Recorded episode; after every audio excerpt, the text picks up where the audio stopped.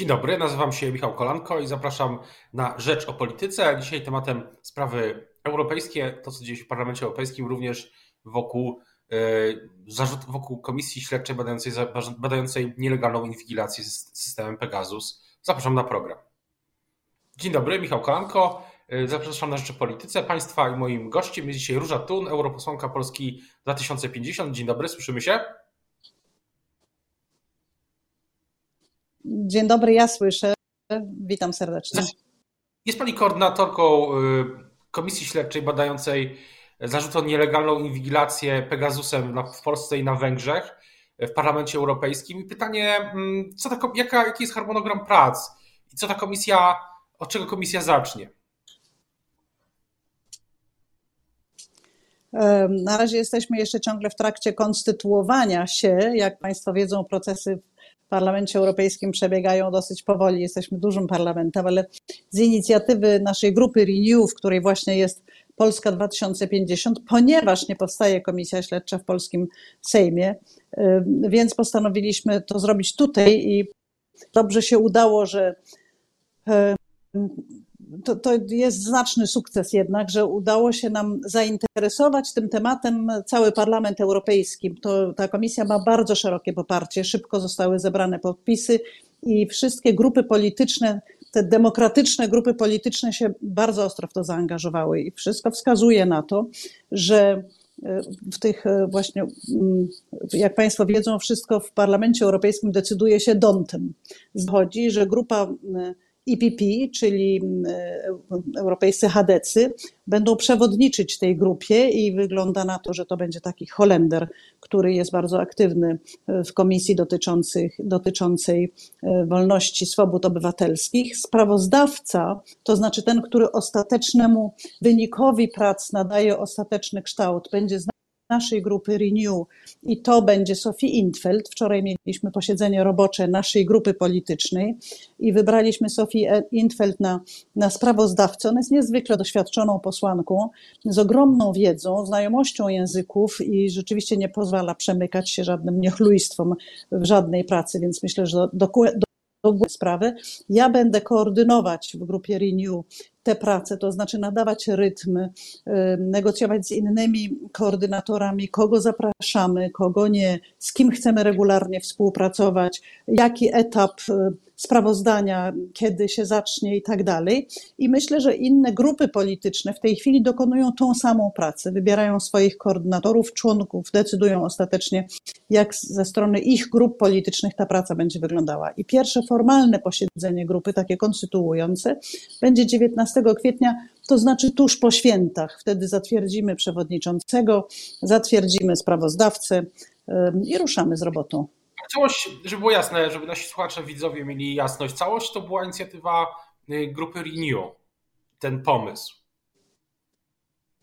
Tak, tak, myśmy zainicjowali, ponieważ właśnie w Senacie w Polsce powstała y, taka komisja, ale nie powstała w Sejmie. Ta w Senacie ma, robi bardzo dobrą robotę, trzeba przyznać, ta komisja w polskim Senacie, ale nie ma takich wysokich uprawnień. Również my nie będziemy mogli zmuszać polityków do tego, żeby przyjechali. Oni nie będą mm, do, doprowadzani przez policję, ale mamy ogromne możliwości komunikowania się i współpracy z, ze specjalistami od tych tematów, z organami y, z różnych krajów, z Unii Europejskiej i nie tylko. Planujemy z Izraelem na przykład, który jest autorem y, Pegasusa, y, bardzo blisko współpracować z Kanadyjczykami, sławetny Citizens Lab, którzy mają już w tej chwili ogromną wiedzę, więc liczymy, po pierwsze ja liczę na to, że jednak politycy, na których ciąży, prawda, to odium, że podsłuchiwali opozycję, dziennikarzy, Y, prawników, zamiast używać Pegasusa do, czego, do, tego, do tego, do czego on został stworzony,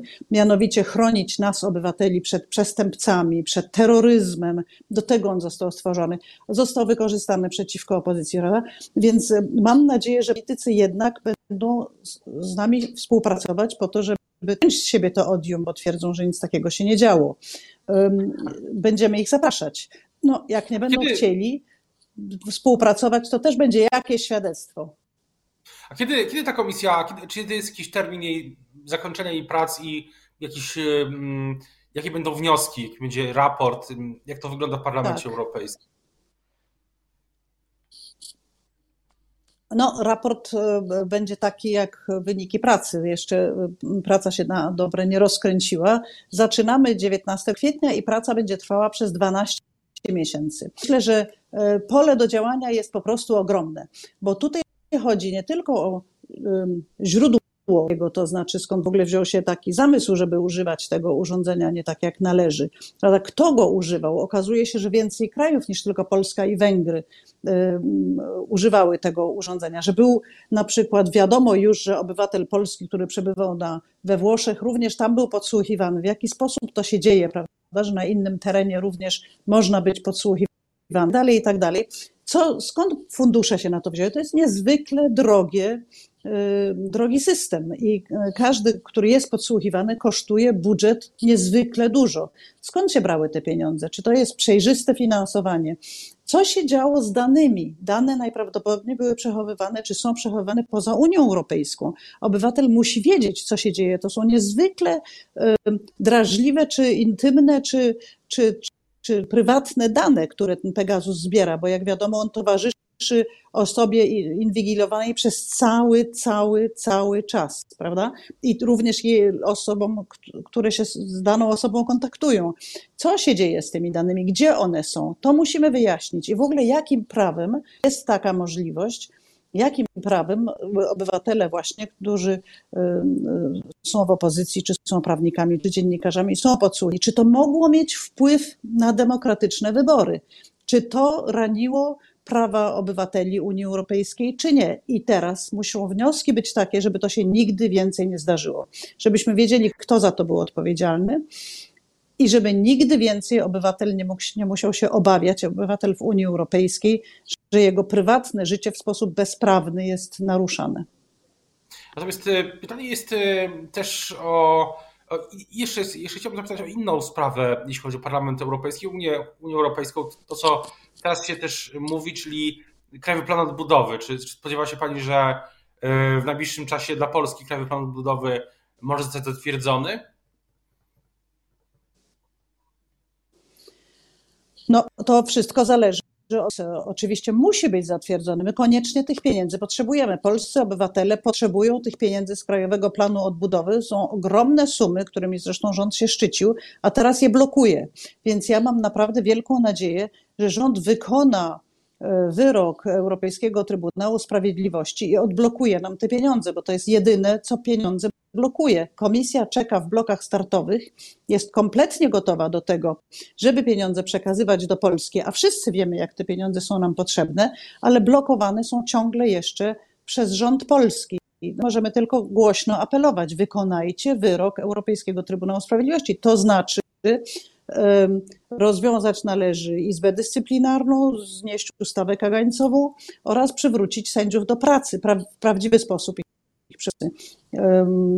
Na razie to się wszystko nie stało, więc ja bym rzeczywiście do wszystkiego, żeby pamiętać, że ta sprawa musi być rozwiązana i musi być rozwiązana czym prędzej przez rząd. To jest też tak, że w Sejmie opozycja, w tym PSL, deklaruje gotowość nad poparciem jednego z projektów prezydenta Dudy konkretniej, jeśli chodzi o likwidację Izby Dyscyplinarnej z własnymi poprawkami. Wydaje się, że to jest jakaś droga, żeby ten wyrok zrealizować.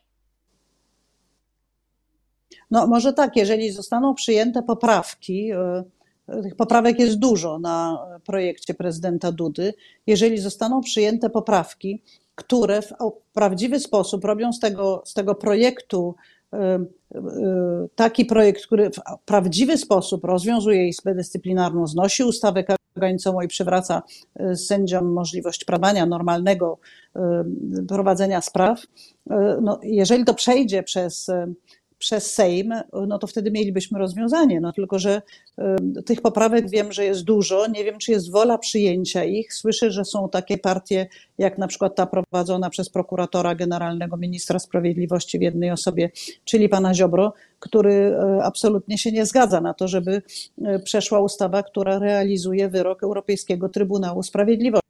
Prawda? I no, wszyscy mają, cała opozycja ma dobrą wolę i chce, żeby te pieniądze przypłynęły do obywatela nareszcie, prawda? I stąd są też te poprawki, żeby dać szansę jakiej ustawie, żeby zrealizowała wyrok Sądu Europejskiego Trybunału Sprawiedliwości, żeby nareszcie komisja mogła te pieniądze uruchomić, a komisja jest do tego gotowa. Czy uważa Pani, że e, na koniec e, że wybuch wojny w Ukrainie i toczy się już ponad miesiąc i on coś zmienia, jeśli chodzi o e, na przykład Euro, polską politykę? Czy, czy do czegoś się przyczynia? Zmienił jakieś priorytety i tak dalej? w polityce polsko-europejskiej? O to pyta pan Tak, między innymi, między innymi. Jaki jest wpływ tej, tej wojny? No znaczy na politykę jest po prostu kolosalny oczywiście, bo to już jest w innym świecie niż byliśmy wczoraj. Prawda? I, i wpływ tej wojny na, na politykę europejską jest zasadniczy. To znaczy, ja jestem w innym parlamencie dzisiaj, tak jak rozmawiamy z Brukseli. Ja jestem dzisiaj w innym parlamencie niż byłam jeszcze kilka e, tygodni temu, prawda? To jest e, parlament. Mhm. To jest parlament, który reprezentuje Unię Europejską znacznie mocniej zjednoczoną, znacznie terminowaną. E, to jest parlament, który ma też inne nastawienie do Ukrainy niż było wcześniej. Jeszcze niedawno temu mówić o Ukrainie jako o kraju kandydackim właściwie było niewyobrażalne. Mało kto podjąłby ten temat, a dzisiaj cała sala, cała sala głosuje za tym, żeby nadać Ukrainie kraj, e, statut kraju kandydującego do Unii Europejskiej. Po drugie, pamiętam, jakie były, e, jaki był wielki opór, kiedy głosowaliśmy Fit for 55, to znaczy bardzo silne ograniczenie emisji e, do roku 2030 i neutralność klimatyczną do 2050. Wszyscy pamiętamy. Polska też miała zawsze bardzo poważne zastrzeżenia. Nagle się okazuje, że możemy o wiele szybciej uwalniać się od źródeł energii z Rosji niż to było planowane. E, w ogóle mobilizacja, motywacja w tej chwili jest inna, nie tylko ochrona klimatu, ale wszyscy zrozumieli, że my musimy uwalniać się od zakupów energii e, z Rosji. I to się będzie działo. Już wszyscy ograniczają to bardzo znacznie. Są bardzo realne plany, jak to robić, a po, po X no, nagle się okazało, że się da jeszcze. Polska wczoraj, premier Morawiecki wczoraj zaprezentował też taki plan, dosyć e, śmia- szybki e, odejścia od rosyjskich źródeł energii. No i to jest bardzo dobrze, że zaprezentował, dlatego że dotychczas tylko w Polsce słyszałam, że wymagamy od wszystkich innych, ale nie od siebie i mamy pretensje do wszystkich innych, że kupują, ale od nas nie. Tylko, że ja chciałabym też wiedzieć, jak my to zrobimy, prawda? Ponieważ jako, że kupujemy przeszło 60% naszego zapotrzebowania na ropę pochodzi z z Rosji, e, ileś tam kilkanaście od węgla rosyjskiego i tak dalej, i tak dalej. Jesteśmy po prostu niezwykle uzależnieni od Rosji. No, mam nadzieję, że premier zaprezentuje również plan, czym tę energię z Rosji zastąpi. E, dlatego, że e, już planów, bardzo wiele planów słyszeliśmy już od premiera Morawieckiego, sławetny milion samochodów elektrycznych i wiele innych, z których nic nie wynikało. Więc tutaj mam nadzieję, że jest plan zastąpienia tej energii tej energii, którą kupowaliśmy, kupujemy ciągle jeszcze od Rosji, jesteśmy współfinansującym tę wojnę, że zastąpimy tę energię y, inną energią, a jak dotychczas nasz wkład w to, aby y, OZE, czyli odnawialne źródła energii, rzeczywiście nasz wkład w to jest bardzo mały w Polsce, ponieważ polityka w tym kierunku w ogóle się nie rozwijała. Jak wiadomo, wiatraki zatrzymano Wydaje się, że premier Morawiecki mówi, że tak jak zrozumiał jego wczorajszą wypowiedź, że właśnie OZE będzie głównym, y, że stawia na OZE i w dalszej perspektywie też na energię atomową. Mm, taka chyba jest perspektywa dzisiaj. No, no odchodzimy, plan odchodzenia od źródeł energii z Rosji jest niezwykle szybki, według słów pana premiera. Rozwój energii atomowej, e, e, ewentualny rozwój energii atomowej to jest kolosalna inwestycja i trwa długo, a w OZE jesteśmy kompletnie w powijakach, dlatego że PiS jak dotychczas zatrzymywał rozwój tych źródeł energii, a nie budował, e, a, a budował, no mam nadzieję, że to nie znaczy powrót do węgla w jakichś starościach, bo wtedy wszyscy znowu zaczniemy się dusić i jak wiadomo zmiany klimatyczne nas dotykają już bardzo, a wtedy tu pogarszamy sytuację drastycznie. Trzeba rzeczywiście, no dobrze by było, żeby rząd polski, już język się zmienił, ale żeby rząd polski zmienił tak samo zachowanie stosunek do Unii Europejskiej, to znaczy zaczął intensywnie pracować z tymi, którzy tutaj już mają wielki postęp, u których już jest bardzo dużo OZE, e, którzy mają te technologie i wspólne organizowanie tej sieci energetycznej europejskiej, to znaczy mocniejsza Unia Europejska, co tu dużo gadać i potrzebujemy mocniejszej Unii Europejskiej, to jest jedyne rozwiązanie na dzisiaj i wspólne planowanie przyszłości. O tym, o tym na pewno też będziemy rozmawiać, tak samo o tym, czy uda się odblokować y, KPO. Dzisiaj y, te takie nieoficjalne informacje wskazują, że może to się stać 8-9 kwietnia, ale to nie oznacza jeszcze oczywiście automatycznego y, wysyłania pieniędzy do Polski. To tylko jest kwestia, jest kwestia dalszej będzie przyszłości. Teraz bardzo już dziękuję, jeśli to się oczywiście wydarzy. Teraz bardzo już dziękuję za rozmowę Państwa i moim gościem. Dzisiaj była europosłanka Polski 2050 w grupie Renew Europe Róża Tun. Dziękuję bardzo. Dziękuję bardzo. Do usłyszenia, zobaczenia.